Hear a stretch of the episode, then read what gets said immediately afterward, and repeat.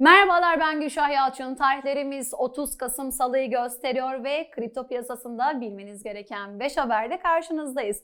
İlk haberimiz makro strateji yaklaşık 414 milyon dolar değerinde 7002 adet Bitcoin satın aldığını açıkladı. Güney Kore hükümeti kripto kazançlarının vergilendirilmesinin 1 Ocak 2023'e ertelenmesine dair resmi bir karar aldı. Invesco spot piyasa Bitcoin ETP'sini piyasaya süreceğini duyurdu ve Tayland turistlerin ülkede kripto para harcamalarını daha kolay ve daha uygun hale getirmek için bazı projeler üzerinde çalıştıklarını açıkladı ve Hindistan hükümeti Bitcoin'i bir para birimi olarak tanımayı planlamadıklarını ve 2022'de pilot uygulamaya almak üzere CBDC üzerinde çalıştıklarını açıkladı ve bugün için bilmeniz gereken 5 haberin sonuna geldik.